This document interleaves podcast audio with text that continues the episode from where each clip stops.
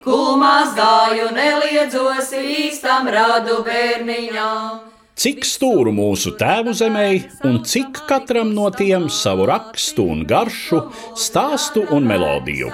Raidījumu ciklā Stūru stūriem es, Eduards Liniņš, pieskaros Latvijas vēsturisko zemju un kultūru vēsturisko teritoriju identitātei sarunās ar šīs identitātes zinātājiem un kopējiem. Mūsu šodienas raidījuma tēma - Lejas kurzeme. Mazgā baltu galda grānu pucēs požu biķerīt. Labdien, cienījamie klausītāji! Sarunā par Lejas kurzemes kultūru vēsturisko teritoriju piedalās Liepājas Universitātes Kurzemes humanitārā institūta pētnieces Ieva Ozola un Daigas Straupeniece un Liepājas muzeja vēsturniece Uļa Gintnere. Mūsu sarunu iesāku ar jautājumu par to, kā velkamas lejas kurzemes geogrāfiskās robežas, cik tās sakrīt ar pēdējās teritoriālās reformas rezultātā tapušo Dienvidu kurzemes novadu. Mēs šogad atvērām grāmatu Valoda laiks, lejas kurzeme, un tieši robežu jautājums ir tas sarežģītākais. Šaurākajā nozīmē leja ir kaut kas zemienē un kaut kas pie jūras. Un jau Langija vārnīcā vārdu savienojums lejās dzīvot nozīmē dzīvot pie jūras, respektīvi am strande.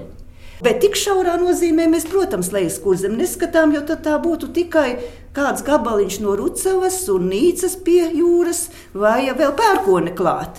Pašlaik kartes pielikumā, kas ir kultūra vēsturisko zemju likumam, lejas kurzemes robežas arī nav novilktas, bet tas uzraksts tajā pirmajā pielikumā ir stūrim uz dienvidiem, dienvidrietumiem no Liepājas.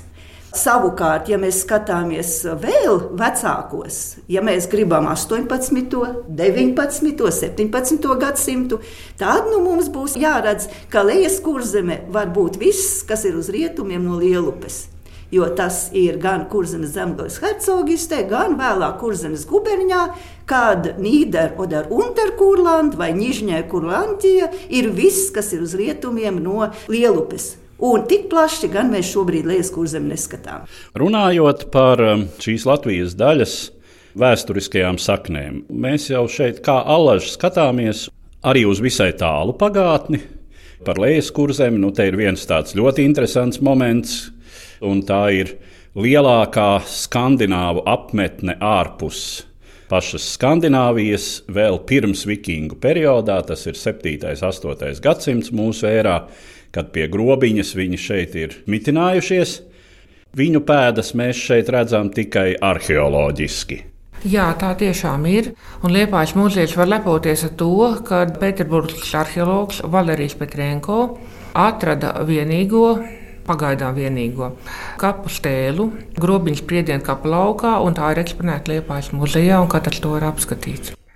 Un uh, tas, ko es saprotu no mūsu arheologiem, ka faktiski laikā, kad šī skandināva apmetne tur atrodas, tad kurši, kuru vārds ir kurzemes un, protams, arī lejas kurzemes pamatā, dzīvo lielākoties uz dienvidiem no šīs nosacīta līnijas, kur atrodas šī skandināva apmetne. Un, eh, Kuršu izplešanās pārējā kurzemes teritorijā notiek pēc tam, kad skandināvi no šejienes ir nu, visdrīzāk to pašu kuršu izmesti ārā, vai arī kādu citādu faktoru ietekmē šejieni pametuši.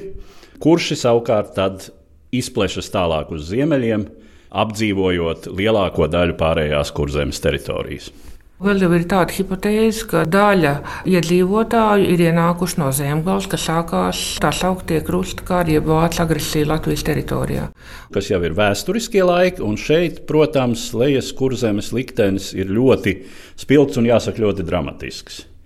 Jo robežu vilkšana starp Livonijas ordeni un eh, kaimiņiem, proti, tā ir Lietuvas valsts Šis process ir vairākus gadsimtus ilgs un, cik var spriest, visai asiņains. Tāds vēstures fakts, tas ir 1414. gads, kad cauri šīm zemēm ceļo franču bruņinieks Gilberts de Lanois, un viņš Vēlāk ir to aprakstījis ceļojuma aprakstos, un viņš saka, ka šeit ir tuksnesis.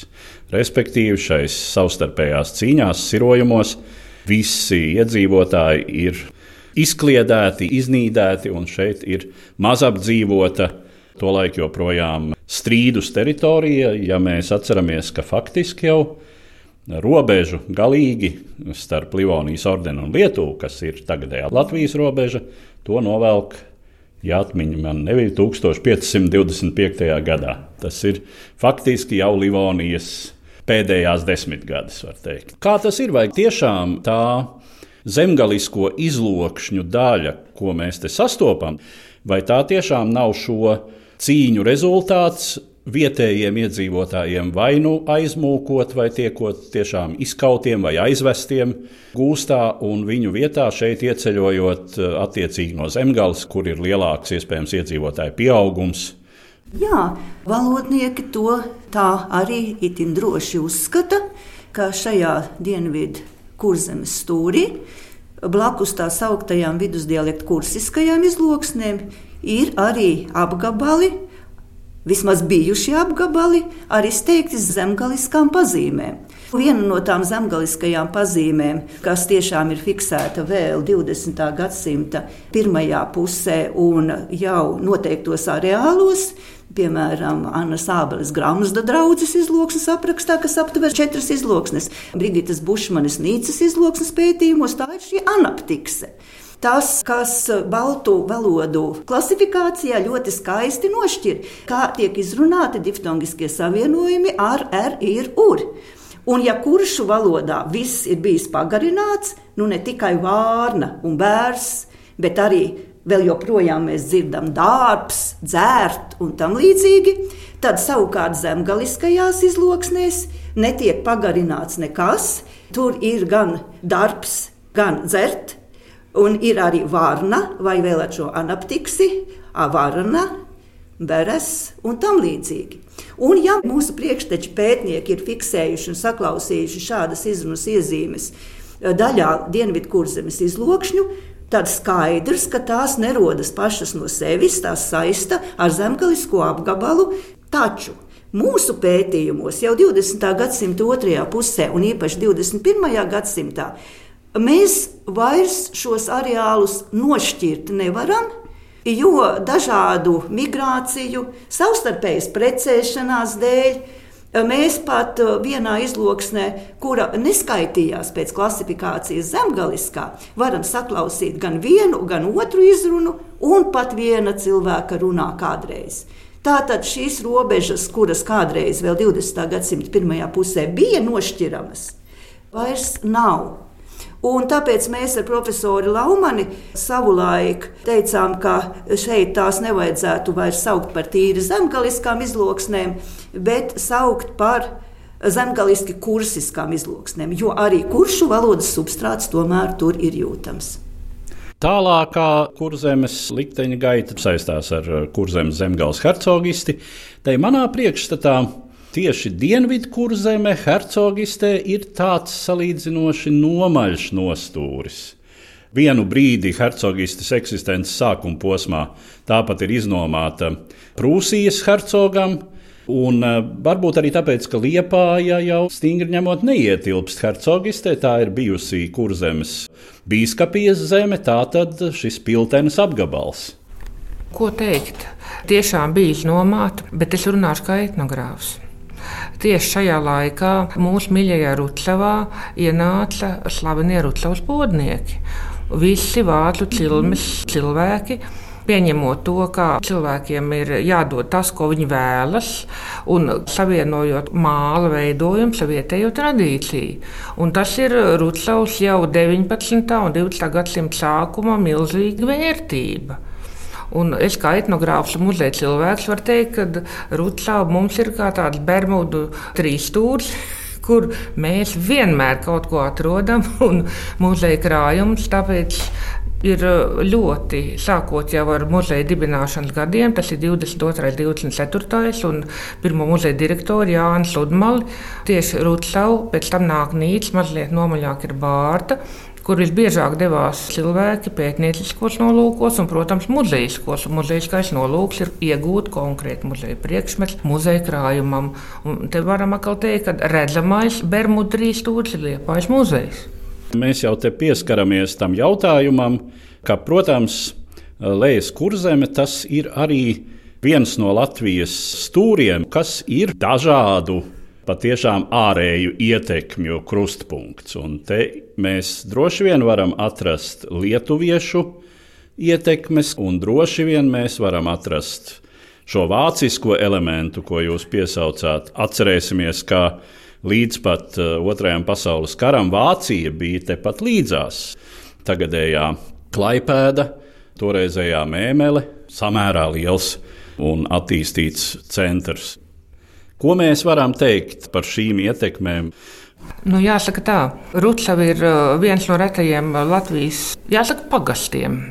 Pagasts ir pagasts un pagastam ir savs tautas tērps kur tautstērpa valkāšana saglabājās Latvijas teritorijā, nu, jāsaka, gandrīz visilgāk autentiskā, nevis atdarinājuma. Autentiskais tautstērps tika pārmantots līdz 1920. un 30. gadiem. Tur var just pat tādas slāviskas iezīmes, gan rotājumā, īpaši krēklu rotājumā, gan daudzos citos elementos. Ejam tālāk uz Nīcu, un te man tāds personisks piedzīvojums Tartu Lielajā etnogrāfijas muzejā atveru atvilkni ar segām, un ko es tur redzu Nīcas bruņus. Oranžs sarkanos bruņus tikai sēgas veidā. Nu, man tas bija liels brīnums. Tas bija daudz gadus atpakaļ, un tā es sāku domāt, bet varbūt pa to jūru tas ceļš bija tuvāks kā pa sauszemi. Un tās ietekmes, ko tie jūras braucēji 19. gadsimta sākumā, 18. gadsimta beigās, ko viņi varēja atvest, nu, atved kaut ko iepatikās, bija ķīmisko krāsvielu pieeja, sāka austos oranžs sarkanos bruņus, bet ne tikai tas. Ļoti svarīgs tautas tērpā ir sieviešu galvassegas jo precētām kundzēm tā bija viena, un uh, tās, kuras bija jaunās, neprecētās, pavisam cita. Un tikai es atradu pēc Lielā Atlanta, tādā pakrīs salā, Igaunijā, sievas un jaunavas valkāja aubes. Principā aube ir sievas galvas saga. Bet ar ko atšķīrās šī sievas aube no jaunās aubas, kā nīcā tā pakrīsalā? Tā bija mazā mežģīnīte, kas bija piešūta gar ārmalu šajā aubei. Te man uzreiz radās jautājums, nu kā var būt tāda sakritība. Protams, ka tas prasa vairāk pētniecības, bet liekas, ka tie nīcnieki tā vairāk skatījās pāri pa to jūru, un tie rucaunieki bija iesēdušies tādā dziļākā tradīcijā, vēl senākā. Jo tur viens tāds kreklvējs, kurš ir vienīgi Rucavā un otrā pusē Klaipēdas apgabalā novadā. Tas nozīmē, ka tas kaut kas kultūrāli saistīts ir bijis kādreiz, bet kurā laikā, nu, tur atkal ir pētniecība jāveic, protams. Jā, pakāpjoties mazliet atpakaļ, kas tad ir palicis pāri no kuršiem un no kursiskā viņpus robežai? Jo vēsturiski mēs zinām, ka diezgan liela daļa kuršu zemju visu šo zemju dalīšanu rezultātā paliek Lietuvas tiesā. Aiz uh, Latvijas tagadējās robežas 1921. gada robežu konvencijas rezultātā palika ap tūkstoši latviešiem tieši Palangas novadā. Tie ir divi latviešu ciemi, Santāja un Būtiņģa, kas mūsdienās jau iekļaujas Palangas pilsētas teritorijā. Un eh, man kā valodniecei bija ļoti interesanti paskatīties tieši uz valodas faktu, kā simts gadu laikā valoda mainās lietuviešu valodas ietekmē. Un, um, šīs valodas senums šajā teritorijā mūsdienās vēl joprojām latvieši runā skaistā Rucavas izloksnē, tā kā teiksim, Rucavā runāja 20. gadsimta sākumā, kā pirms simts gadiem. Cik tur ir saglabājies latviešu Ja mēs skatāmies tautas skaitas datus, tad ir ļoti interesanti, jo bijušie latviešu ciemati ir iekļauti Palankas pilsētā. Varbūt ir 0,5%, varbūt 1%, bet uh, varbūt ap 100, ja mēs skaitām tās saknes, kas ir nu, izplatušās tuvākajos, tālākajos novados ārpus uh, Svantais un Būtiņas, Kretingā, Palangā. Klaipēdā, Viļņā. Tātad pēcteči kā ir izklīduši. Jaunākā paudze jau latviešu vairs nerunā. Pēc robežu konvencijas latviešu skola šeit vairs neeksistē. Un tātad latviešu valodas saglabāšana paliek uz vietējo cilvēku pleciem. Tā kļūst kā ģimenes valoda, un tātad saglabāt to ir ļoti grūti. Jo vairāk mēs pētām, jo vairāk rodas interesanti jautājumi, un jo vairāk ir arī nedrošu atbildžu. Kurš Lietuvā interesējas par šīm izloksnēm reģionu, tad no dialektoloģijas klasiķiem es varu minēt profesoru Zigmu Zinkeviču, kurš ir pētījis daudz arī žemaišu dialekta cilmi un norādījis, ka tā tapšanā ir ļoti liela loma kuršu valodas substrātam. Savukārt tos kurseniekus, kas pašlaik vēl ir un materiāli pieejami pētniecībai, mūsdienās pētā Klaipēdas Universitātes profesora Daļa Kiseļunaita. Kursenieku valoda ir viņas mūža tēma, bet ja mēs atgriežamies pie mūsu pierobežas, mūsu pusē, tad jautājums par to, kas ir lituānisms, respektīvi aizgūts Un kas ir kopīgs mantojums, patiesībā nav izšķirams, jo visas ir baltu valodas, un abpus tagadējai robežai ir kuršu substrāts. Ļoti interesanti. Atkal atgriezīšos pie Johana Langija 17. gadsimtā, jo viņš te skaidro, kas ir leitis un kas ir leitīts. Leitis ir ainlītauer, tātad lietuvietis, bet leitīts ir ainlette, zonāe bei Litauen wohnet und litauische Sprache Kundig ist. Tātad, kurš dzīvo tik tuvu lietuviešiem, kā ir iemanījies lietuviešu valodā. Tātad to divvalodību pierobežā mēs jau izsenis no 17. gadsimta varam redzēt. Tātad daudzi lituānismi, ko tagad pierobežā runā un ko mēs Rucavā arī sastopam, nav jauni. Tie ir ļoti seni lituānismi. Un iespējams, ka daži ir kopīgi un varbūt kā aizgūmi nav klasificējami. Šis valodniekiem ir neatbildams jautājums, tad, ja valodas ir ļoti tuvu radniecīgas. Līdz ar pārējo kurzem šī teritorija nonāk Krievijas sastāvā 18. gadsimta beigās, 1795. gads, un eh, Liepāja sāk attīstīties, eh, sevišķi jau 19. gadsimta otrajā pusē, kā liels jūrniecības centrs un arī zināms Krievijas kara flotes viena no lielākajām bāzēm. Cik eh, daudz ietekmi mēs varam saskatīt no šī laika, kad šeit, protams, ir liela cilvēku kustība. Mēs zinām, ka starp citu no Liepājas 19. gadsimta beigās, 20. gadsimta sākumā ir tiešā tvaikoņu līnija uz Ņujorku.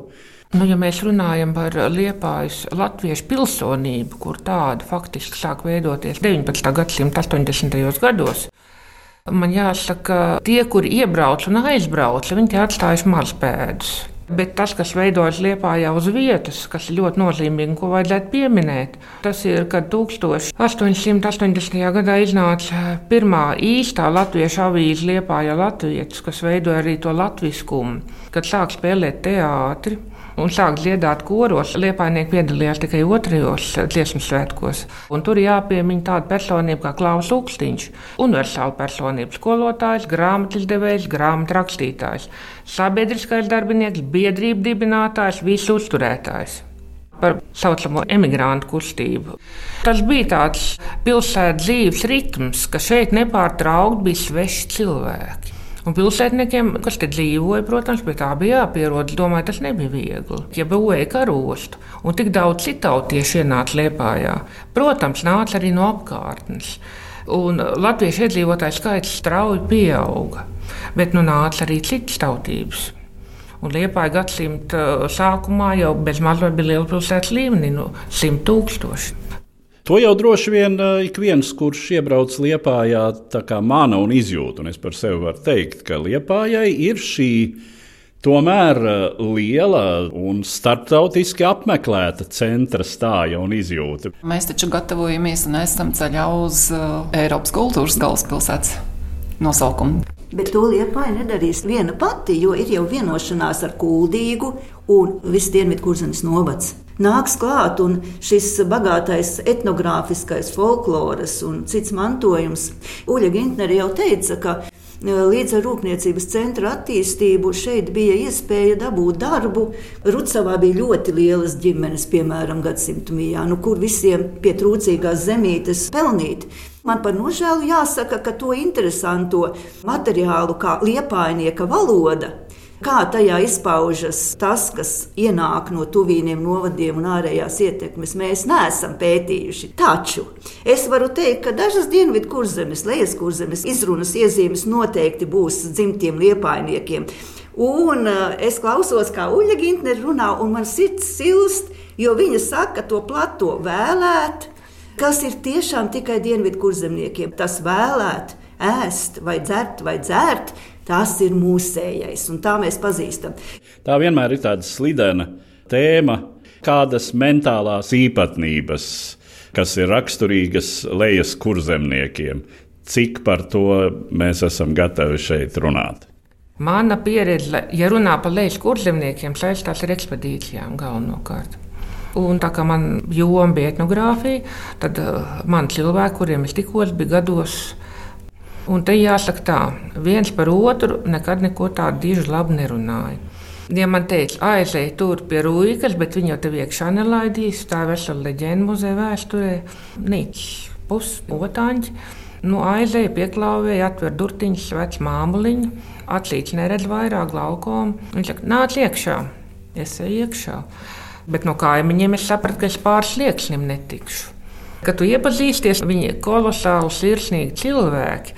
Un, ja tu atklāji to viņu vērtību citu acīs, momentā mainās visa attieksme. Tā tad viņi ir sirdī labi, bet ārēji viņi mēdz būt skarbi.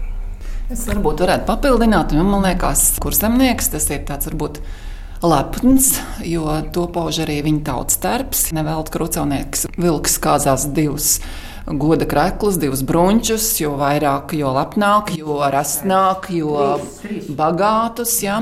Tātad lepni, atturīgi, nu, es gribētu tomēr arī teikt strādīgi, ļoti strādīgi. Mēs jau te vairāk kārt piesaucām tādas arī materiālās kultūras īpatnības, bet nu, kas ir tādi spilgtākie lejas kurzemes elementi kulinārijā, apģērbos, Par apģērbiem pilnīgi droši es varu teikt, tas ir tautas tērps, kuru Rucevā, Nīcā, Bārtā ciena, izprot, un man jāakcentē atbilstoši, pareizi valkā, nesajaucot dažāda laika posmu apģērba sastāvdaļas. Nu, no kulinārijas droši vien var Rucava lepoties savu balto sviestu, ko es domāju, viņi ļoti popularizē un izceļ kā savu novadu vērtību. Nu, un droši vien arī citi rucavnieku ēdieni, kā bimbalu tīre vai kunkulīne un plinski un kuģelis. Receptes nezinām. Receptes Jā. meklējam internetā. Gribētu vēlreiz izcelt Rucavu, kas aktīvi savu kultūra telpu ir ierakstījusi nemateriālā kultūras mantojumā un arī vēlas iet ceļu, lai arī pasauli par to uzzinātu un ierakstītu to UNESCO kur arī valstī jāpalīdz šo vērtību saglabāt un cilvēkiem radīt šo identitātes sajūtu. Es esmu kurzemnieks, es esmu rucēvnieks, es esmu bārtenieks. Pašlaik arī Nīca gatavo savu ierakstīšanu Latvijas nemateriālajā Jā. kultūras mantojumā. Nu, ja jāsaka no valodas viedokļa, tad, kad es studēju filoloģiju Latvijas universitātē, tāda lejas kurzemes izloksnes bija viena kārtīga latviešu valodas vēstures dzīvā lāde. Un es beigās gribētu nolasīt.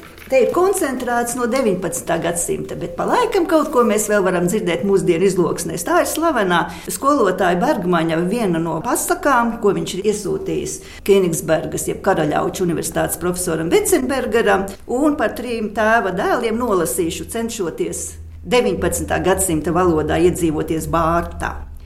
Lielu gabalu pa to mežu gaiši apsasēdās atkal padusēt un ēst bet tie duji tam muļķim atkal nedeve un neļāva ēst, teikdami, lai ejus tās bites ēst, kas tur klātumā bija redzamas. Gāja atkal pie to bišu, bet, kad bija piegājis, tad tās arī lūdzēs, lai viņas neāstiekus, viņas tam it lielā notē palīdzēšošas. Tā ir tāda epizode no muzeja ekspedīcijas vēstures, jau pieminēja Rūgas māmiņa. Tas ir vesels stāsts, bet uh, viņa muzejā dāvināja savu tautas tērpu kolekciju. Nevis to, ko viņi darināja, bet to, ko viņi savākuši. Nu, tas pat nav pūrs, tā ir kolekcija. 141 vienība, tur bija pilnīgi viss no galvas līdz kājām. Naudu viņai nevajadzēja, vajadzēja tikai pie katra priekšmeta pierakstīt vai piešūt, nu, kā iespējams pie tekstīlijām, ilzes, silts, ruikas kolekciju.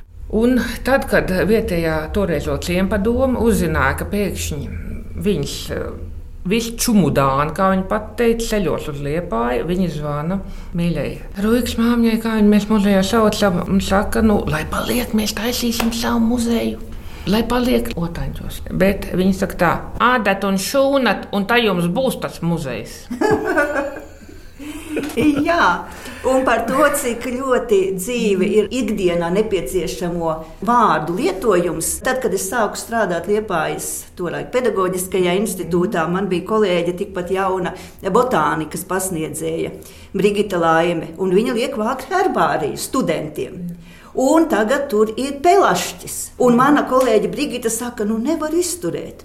Krāt raksta tītarene un tītarene, jo citu Jā. vārdu jau Dienvidkurzemē nezinu. Man nomīja pilnīgi tāpat, mēs braucām Jā. uz kapiem pie vecvecmāmiņas, un mēs tā klasījām tītareni. Jā, un citu nezinu, un tagad jāraksta oficiālais bioloģiskais Jā. nosaukums, un viņam citas nav. Tāpat kā uh, Dienvidkurzemē arī mūsu teicēju tekstos ir naģe un naģe, un arī viena no teicējām stāsta, ka skolā man bija dabas zinības, un skolotāji liek stāstīt, un es tik to naģi un to naģi. Jā. Tā kā mēs varam domāt, ka tā pasaka, ko es nolasīju, nu, tādā veidā vairs nerunā.